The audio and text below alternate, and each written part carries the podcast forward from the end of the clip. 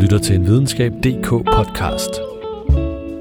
Velkommen til Overblik, videnskab.dk's ugenlige radioavis, der i denne uge dykker ned i en skotsk Stonehenge, der er falsk, en mellemistid, der er sand, og et high-tech plaster, der er totalt svedigt.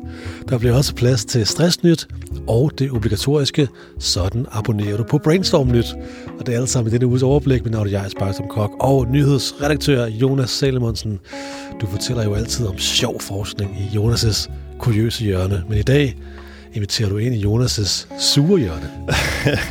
ja, altså jeg vil håbe ikke at lyde alt for sur, men i stedet prøve at være lidt konstruktiv. Øhm, det drejer sig om, at ministre på det seneste har fået deres embedsmænd til at lave den ene rapport efter den anden. Og det er jo fint nok. Men når ministerne så præsenterer rapporterne i medierne, så går det altså helt galt.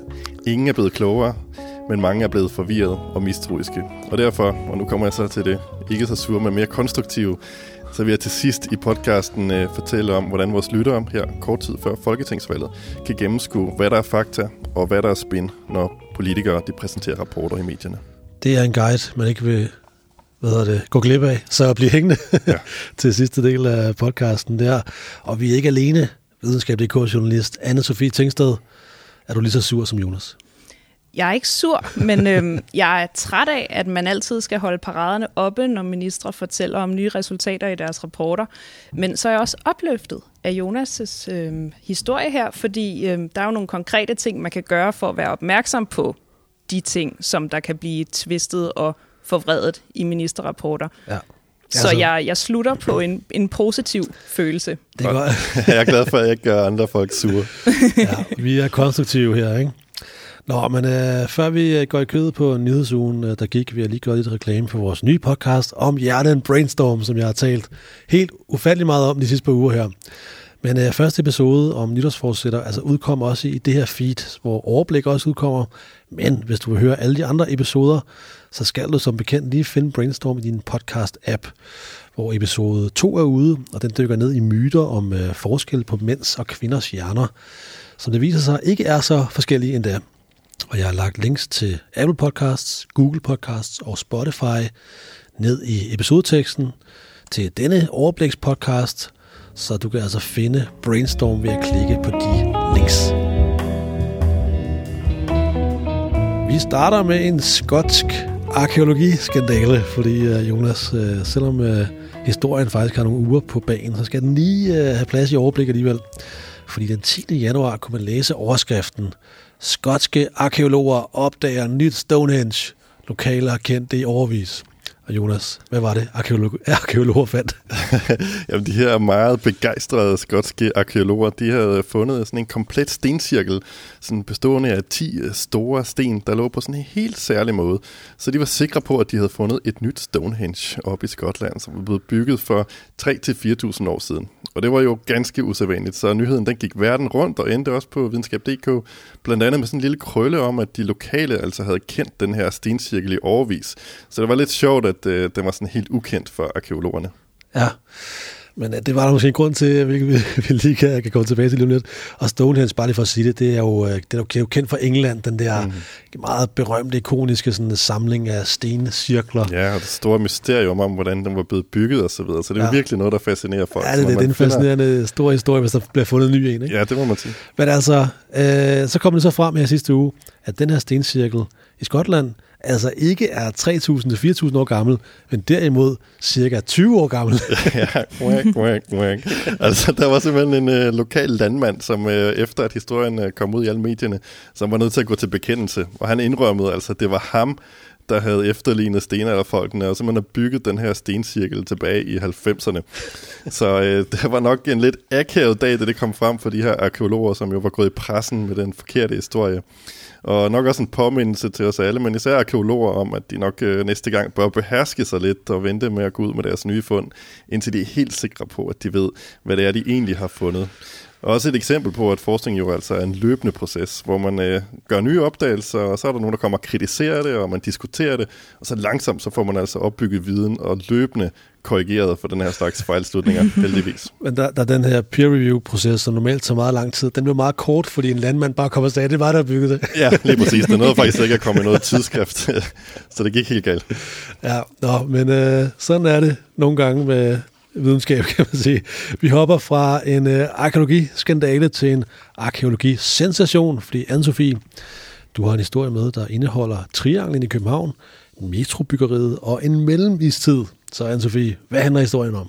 Jamen, øh, ved Trianglen i København, så er der ved at blive bygget en ny metro, men ud over den her nye metrostation, kan vi altså også øh, faktisk få en øh, lille sidegevinst ved øh, det her metrobyggeri. Øh, fordi forskerne de har fundet i dansk sammenhæng bevis for en ny mellemistid, som fandt sted for over 200.000 år siden. Og det er faktisk den femte ist- eller mellemistid ja. i Danmark. Der er fire andre. Ja, det kan man sige. Men uh, Anne-Sophie, uh, bare lige helt kort. Hvad er en mellemistid? Jamen altså, hvis man skal forstå en mellemistid, så er det ret essentielt, at man forstår, hvad en istid er. Og der kan man jo bare tænke på Ice Age. Det er koldt, ja. øhm, der er meget liv, der ikke kan overleve.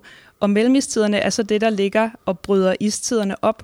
Øhm, så lige nu, så er vi faktisk i en mellemistid.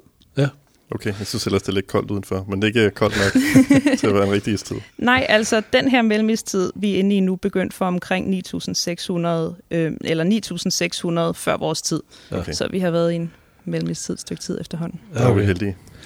Men altså, altså, vi, øh, altså, hvorfor er det en nyhed, at de her arkeologer så, så finder et øh, altså spor af en ny og mm. femte mellemistid i Danmark? Jamen for at finde spor af mellemistider, så skal man have øh, et sammenhængende jordlag, der har ligget uforstyrret og ligesom er blevet øh, stablet oven på de andre jordlag, perfekt sorteret efter, hvilken tidsperiode de stammer fra. Øhm, og det har vi ikke i Danmark, fordi øhm, det er simpelthen, øh, det danske landskab er blevet høvlet ned af et øh, isfremstød. Øhm, så jorden er simpelthen bare blevet rådet fuldstændig sammen. Øhm, så de her vidnesbyrd fra de forskellige tidsperioder i jordens historie, de ligger bare hulter til bulter. Forestil dig sådan en, øh, en, en, en stak af dokumenter, der er sorteret efter dato, og så er de bare blevet rådet fuldstændig sammen. altså det er lidt ja. det, der er sket her, ikke? Ja, Ja, så pointen er, sådan er det faktisk ikke, ikke i andre lande. Der, der kan man grave ned, og så ligger det helt fint ordnet, og så kan man rigtig aflæse alt muligt her. Ja, lige men, men altså, altså, hvis der man og tænker, øh, nå, mellemtidstider, øh, og hvad så? Mm-hmm. Øh, så er det måske forståeligt, fordi det er måske ikke noget, de fleste går og tænker på, at vi lige er i en mellemtid i øjeblikket, og der har været fem, øh, fem andre og sådan noget der. Men, men altså, øh, hvad, hvad, hvad er det, man kan bruge viden om mellemtider til? Ja, altså det er måske ikke noget, man går og bryder sin hjerne så ofte med, som du siger, men når vi ved, hvornår mellemistiden fandt sted, og hvor varmt det var på den periode, i den periode, så kan det faktisk hjælpe os med at forstå klimaets udvikling igennem tiden. Så det kan ligesom sætte de menneskeskabte klimaforandringer i perspektiv, øhm, når vi kan se, hvor meget temperaturen stiger i dag i forhold til den naturlige svingning imellem istider og mellemistider, som der har fundet sted lige siden ja. det hele begyndte. Ja. Altså. Så ja. det, det er faktisk øh, klimaviden, man kan blandt andet bruge det til. Ikke? Så, det er ja. jo en fantastisk oplevelse og øh, opdagelse, de har gjort sig der, øh, øh, arkeologerne. Mm. Øh, altså, det er stort, ikke? men øh, jeg hørte, at, øh, at de var sådan lidt ydmyge, en af arkeologerne, som, øh, som sagde, at hun håbede på, at der ville blive opsat en, en lille planche eller et eller andet ved ja. stationen. Helt tør bemærkning. Fuldstændig. Så det kan man lægge mærke til, når metroen åbner det til sommer, ikke? at mm. uh, triangelmetroen den åbner og se, om der er sådan en lille, lille planche om, at uh, her bliver der altså fundet en mellemistid. En lille ja. ydmyg planche. Ja. Det kan også være, at uh, den her station så får navnet Østerbros øh, mellemistidens øh, metrostation. det, det, det kunne være meget fedt, ikke? Ja, lad os stille os op med, med nogle skilte og, og, ja. og demonstrere for det. demonstrere for et, for et videnskabeligt navn til den her metrostation. Ja, ja jamen, øh, vi lever i en øh, mellemistid, men vi lever også midt i en stresstid. Fordi Jonas, øh, næste historie handler om en række danske forskere, der har oprettet deres eget deres egen stress-tænketank, der i mm. modsætning til regeringens stresspanel faktisk laver anbefalinger, eller i hvert fald har tænkt sig at lave anbefalinger, der er baseret på forskning. Ja, øh, fordi de her stressforskere, de sad og undrede sig gevaldigt i sommer, da regeringen nedsatte et øh, nyt stresspanel, hvor der blandt andet sidder en øh, operasanger, og der sidder en forfatter, Men der sidder altså ikke nogen, der forsker i stress. Så stressforskerne de beslutter sig for selv at lave en tænketank, der så kan supplere anbefalingerne fra regeringens stresspanel. Ja, det kan vi jo godt lige have på videnskab.dk, ikke? At, at forskningen bliver brugt til noget. Ikke? Og Jonas, øh, medlemmerne i Tænketanken er igen i modsætning til regeringens stresspanel alle sammen forskere. Ja, og det er forskere, som har ekspertise i ledelse, organisationsstruktur, arbejdsmiljø og psykologi, og som jo, vi jo i uh, årvis har gået og betalt med vores skattekroner på at undersøge stress. Så det er jo ret, som du siger, at vi kommer til at få noget ud af det her, og øh, de ved jo så en masse om, øh, om, om forskning i, hvordan man så kan forebygge stress, og det er så deres håb, at de kan komme med nogle anbefalinger, så, som så kan præge debatten i en lidt mere forskningsbaseret retning, nu når vi her til foråret sikkert kommer til at høre en masse om stresspanelernes øh, nye forslag. Ja, klart. Og bare lige for at sige, hvad tænketanken hedder, den hedder Bæredygtigt Arbejdsliv, og... Øh, Bæredygtigt arbejdsliv, stresstænketanken her, Jonas, øh, peger allerede på et perspektiv, øh, som øh, forskningen kan bidrage med i debatten. Ja, fordi stress, øh, stresspanelet fra regeringen, de har jo været ude med deres øh, første anbefaling, som handler om at lukke forældreintra. Men øh, stressforskernes anbefalinger, de bliver sådan lidt større øh, strukturelle. Det handler om at fjerne fokus fra individet, og i stedet se på øh, strukturer og rammer, som øh, folk de lever og arbejder under. Og det kan være sådan noget som, hvilke forhold der er på arbejde, som kan medføre stress og depression, og hvilken rolle ledelse har i forhold til det her med psykisk øh, dårligt øh, arbejdsmiljø. Og så også sådan noget, hvordan, hvordan større forandringer og organisationsændringer, de medvirker til stress. Og det lyder måske lidt mere mindre sexet, end lige at uh, lukke forældreintra, eller hvad de nu finder på i stresspanelet. Men uh, til gengæld er det her jo så baseret på solid forskning. Så det bliver meget interessant at høre, hvilke 10 konkrete anbefalinger, som uh, forskernes tænketank de er på vej med. Dem uh, følger vi op på, Jonas. Skal vi ikke love lytterne det? Jo, at, det når de kommer, så hører I om dem her. Nå, men altså, inden vi lige besøger Jonas' sure hjørne, som vi omtalte i starten, så skal vi lige have en, uh, en historie mere for dig, Anne-Sophie. Ja. Og den handler om sved. Simpelthen. Et uh, nyt studie beskriver en ny dims, der kan monitorere din krop. Og Anne-Sophie, hvad handler den her historie om? Den handler om, øh, at der er nogle amerikanske forskere, der simpelthen har opfundet sådan en rimelig smart gadget, hvis man er typen, der godt kan lide at monitorere sin søvn, og hvor, meget, hvor, hvor høj ens puls bliver, når man dyrker sport. Og hvis man er den type, der godt kan lide at have lidt styr på kroppens funktioner, øh, så har de simpelthen lavet sådan et, øh, et svedplaster, som der aflæser sveden. Ja, det, det, er, det, er, det er fascinerende. Uh, hvad hedder det? Og Anne-Sophie, jeg kigger på din arm. Du har faktisk sådan et, uh, et ur. Det, det er så ikke sådan en svedplaster, men det, det, det kan også lidt af det samme. Ikke? Altså, der, er, der er nogle af de her det kan nye nogle... ure, der kan måle skridt og puls og sådan nogle ting, ikke? Jamen, det er også det, det gør. Det ja. bliver ikke brugt så meget lige for tiden. Nej, men du har det, og det kan det. Præcis. Men, men det, er, det er sådan lidt i, i sådan den, der, den der kategori for de der uger der, som kan holde øje med ting og sager, der, men det er bare et plaster. Så Anne-Sophie, helt konkret, hvordan fungerer det her svedplaster? Det er sådan et, man skal forestille sig sådan et lille rundt plaster på størrelse med en vatrondel. Og så sætter man det ligesom, det er lavet af plastik, og så sætter man det fast øh, på huden, hvor det ligesom klæber sig fast. Øhm, og man må ikke være for behåret der, hvor man sætter det fast, fordi det skal sidde meget tæt ind til huden.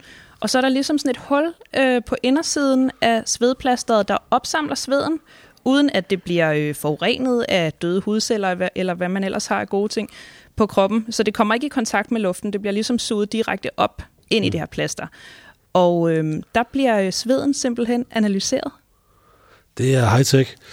Og jeg vil bare lige sige, at hvis man sidder og tænker over, er det her high-tech-magasinet fra videnskab.dk, så vil jeg bare sige, at grunden til, at vi taler om det, det er faktisk, fordi der er kommet et nyt studie, som ligesom handler om, om, om den her teknologi, kan man sige. Ikke? Ja, der, øh... det er ikke bare mig, der sidder og reklamerer for et eller andet svedplaster. Nej, det er det ikke. Og, det, øh, ja, og, og, og hvad det, der er blandt andet en øh, dansk forsker, Jan Madsen, professor ude på DTU Compute, som har kigget på det her studie og sådan umiddelbart vurderer, at altså, den her teknologi, som studiet beskriver, den er meget spændende. Ikke? Mm-hmm. Men altså, Anne-Sophie, øh, teoretisk set, lad os sige på den måde, hvad kan man bruge det her plaster til? Teoretisk set, jamen altså så kan man øh, faktisk få øh, analyseret sin sved, blandt andet svedens øh, pH-værdi, hvor meget man sveder, hvor hurtigt man sveder. Øhm, hvis man skulle tage et enkelt eksempel, så kan pH-værdien vise forskellige ting. Øhm, men altså blandt andet så kan det måle mælkesyrebalancen. Øhm, og mælkesyre, det er jo sådan noget, der ophober sig i musklerne, når man træner for meget og ved for høj intensitet. Så hvis man er elitesportsudøver, så kan det være rigtig smart lige at vide, om man har trænet for meget, og der er ophobet sig for meget mælkesyre i musklerne, fordi så kan musklerne gå i krampe, og det kan være sådan lidt usmart, hvis man skal til OL et par dage senere, at man Så bare måske har mega øh, ømme næ- muskler. næste gang, at håndboldlandsholdet øh, skal vinde VM, så kan det være, at de fiser med de der plaster der. Ja, lige præcis. Jeg vil også have et, Ja. øh, når det kommer ud en dag. Jeg kan forestille mig, at det kan bruges til alt muligt. Jeg Er, er, ikke, du, er, er du elitesportsudøver, Jonas? Elitesportsudøver, men altså, det kan jo være, at det, det fortæller mig, at jeg, jeg har brug for at spise lidt mindre sukker eller et eller andet en dag, hvis det Ja. bliver udviklet til at, at kunne de Eller ting. nu, er du- nu er du for sur, fordi du har læst du, du har rapporter fra nogle Pulsen er blevet for høj af at få læst for mange spinrapporter fra ministerierne. Lige Ja, præcis. ja, lige præcis. Ikke? Jeg skal have det. Ja, jeg tror sgu også, at jeg køber det, når det kommer engang øh, på et eller andet tidspunkt. Men, også. men netop i forhold til det her fremtidsperspektiv, altså tror forskerne, at det, er- det er noget, vi måske ikke alle sammen, men mange kommer til at sådan, uh, gå rundt med, uh, når det ligesom bliver udviklet og klar til at blive solgt alle mulige steder. Altså forskernes langsigtede perspektiv er jo, at det skal bruges i sundhedsvæsenet. Fordi det er jo ret smart, hvis man har nåleskræk, for eksempel, at øh, man i stedet for at tage en blodprøve, bare kan tage sådan et lille svedskrab derhjemme, og så få analyseret sin sved og finde ud af, jamen, har jeg, øh, altså mit, er mit blodsukker for højt, for eksempel, mm. så kan det være et tegn på diabetes. Ja, det vil være smart. Konkret for diabetespatienter, tænker jeg. Konkret, ja, i Hvad det hedder tilfælde. det? Men jeg har faktisk nåleskræk. Jeg var ved at besvime hos lægen øh, forleden dag, da jeg skulle have taget, blodprøve. Åh, nej. Ja, det var pænt pinligt, at sådan en voksen mand var ved at dejse op på gulvet der. Så de der plaster, jo tak. Du var blevet sparet en ydmygelse, ja, det, det. hvis der havde eksisteret sådan noget sved analyserende teknologi. Jeg, jeg håber nu. snart, at det bliver klart, de plaster der. Ja, Og nu stiller vi os over i Jonas' sure hjørne. Og Jonas, du står klar til at afføre din skideballkanon. ja, altså jeg håber som sagt ikke, at jeg lyder alt for sur, men jeg vil gerne opfordre til, at journalister og lytterne og læserne, de skærper den kritiske sans nu. For valgkampen, den står for døren, og politikerne, politikerne, politikerne de kommer altså til at komme med en række påstande. Og hvis man ikke er skarp og kritisk, så kan man altså ende med at blive snydt, eller i hvert fald godt og grundigt forvirret. Øh, det viser en række nye eksempler, hvor at ministre de har fået lavet rapporter i deres ministerier. Og det er jo fint og fornemt, men problemet er, at ministerne efterfølgende er kommet til at fremstille rapporterne på en, i hvert fald ifølge forskerne, ret skæv måde. Øh, helt konkret så har ministerne været i medierne med for eksempel en fortælling om, at integrationen af ikke-vestlige indvandrere går i stå i tredje generation og at der er et stort, uforklarligt problem med sygefravær i det offentlige. Men de her rapporter, som ministerne de taler om, de har altså så afgørende forbehold og metodiske svagheder. Altså altså ikke, overhovedet ikke, er belæg for at ministerne sådan meget skarpe konklusioner, lyder det fra forskerne. Øh, og de her nye sager, de viser desværre også, at medierne hopper på de her historier indimellem, så den enkelte læser er altså nødt til at være kritisk og være i stand til at vurdere, hvad der er fakta og hvad der er spin, hvis man vil undgå at blive snydt. Måske forskerne skulle øh, udvikle et plaster, som øh, øger den kritiske sans. Ja, lige præcis. Eller, eller, men, men, men Jonas, ind- ind- indtil, de- indtil de gør det, hvad er så din bedste råd til, hvordan vi ikke bliver snydt af rapporter? ja, den allerletteste metode, sådan for den dogne, det er at, at lytte til, hvad øh, uafhængige forskere de siger om sagen. Det gør vi jo for eksempel altid, når vi fortæller om forskning her, ny forskning på videnskab.dk, så får yes. vi altid en uafhængig kilde til lige at kommentere på det. Men man kan også selv øh, give efter, øh, lave et eftersyn på de her rapporter. Øh, her på videnskab.dk har vi faktisk lavet sådan et manifest, og det lyder meget storladent, men det er faktisk bare en, sådan en letlæst guide med fem gode råd til, hvad man bør lægge mærke til, når man læser om nye rapporter. Og jeg kan lige komme med eksempel to af de ting, som jeg vil lægge mærke til ved de her øh, rapporter. Yes. Øhm, først og fremmest, så skal man vide, at der altså er forskel på rapporter fra ministerier, og så den slags solid forskning, som vi normalt beskæftiger os med her på videnskab.dk. For solid forskning, det er kendetegnet ved, at det, det er altså respekterede forskere fra anerkendte forskningsinstitutioner, som står bag, at det er udgivet i et videnskabeligt tidsskrift, hvor andre forskere har, gennem, øh, har godkendt øh, kvaliteten af det her nye studie gennem den her peer-review-proces. Men ministeriets rapporter, altså de, de kan være fine nok, men man skal være ekstra kritisk over for dem, for de er ikke udgivet i noget tidsskrift. De er bare lagt op på ministeriets hjemmeside. Så der har altså ikke været den her peer-review-proces, hvor andre forskere har garanteret for kvaliteten af dem. Og derudover så ved man heller ikke rigtig, hvem der har stået bag øh, forskerne. Øh, Forfatterne de er anonyme. Vi ved bare, at det er nogle unavngivende embedsmænd fra ministerierne, og øh, vi ved også, at det er deres job at hjælpe ministeren med at få sin politik igennem. Den anden ting, som øh, jeg synes, man skal være opmærksom på, det er, at, øh, at man skal lægge mærke til, om der er nogen, der har interesse i at drage nogle særlige konklusioner. øh, når de går ud med ny forskning eller nye rapporter i medierne. Øh, fordi der er faktisk rigtig forskning, som viser, at det både venstre- og højreorienterede politikere, de har altså en tendens til at fortolke resultater af undersøgelser, sådan så det understøtter deres politiske ideologi. Det siger sig selv, at det er sådan, men det er altså vigtigt at vide netop nu, for øh, det er altså ikke nogen hemmelighed, at øh, valgkampen er altså i fuld gang. Det må man sige. Og Jonas, øh, jeg synes, du formåede at være konstruktiv og ikke, og ikke, og ikke skidesur altid. Og det er godt klaret. Og øh, på den måde, så kommer vi øh, til vejs ende i denne uges overblik. Tak skal I have, Jonas Salomonsen og Anne-Sophie Tingsted. Og så husk lige at trykke abonner i jeres podcast-apps, så får I automatisk de nyeste episoder af Overblik i jeres feed. Send kommentarer til jbk eller fang mig på Twitter. Vi er tilbage med en ny udgave af Overblik om en uge. Mit navn er Jais Baksen Kok. Tak fordi I lyttede med.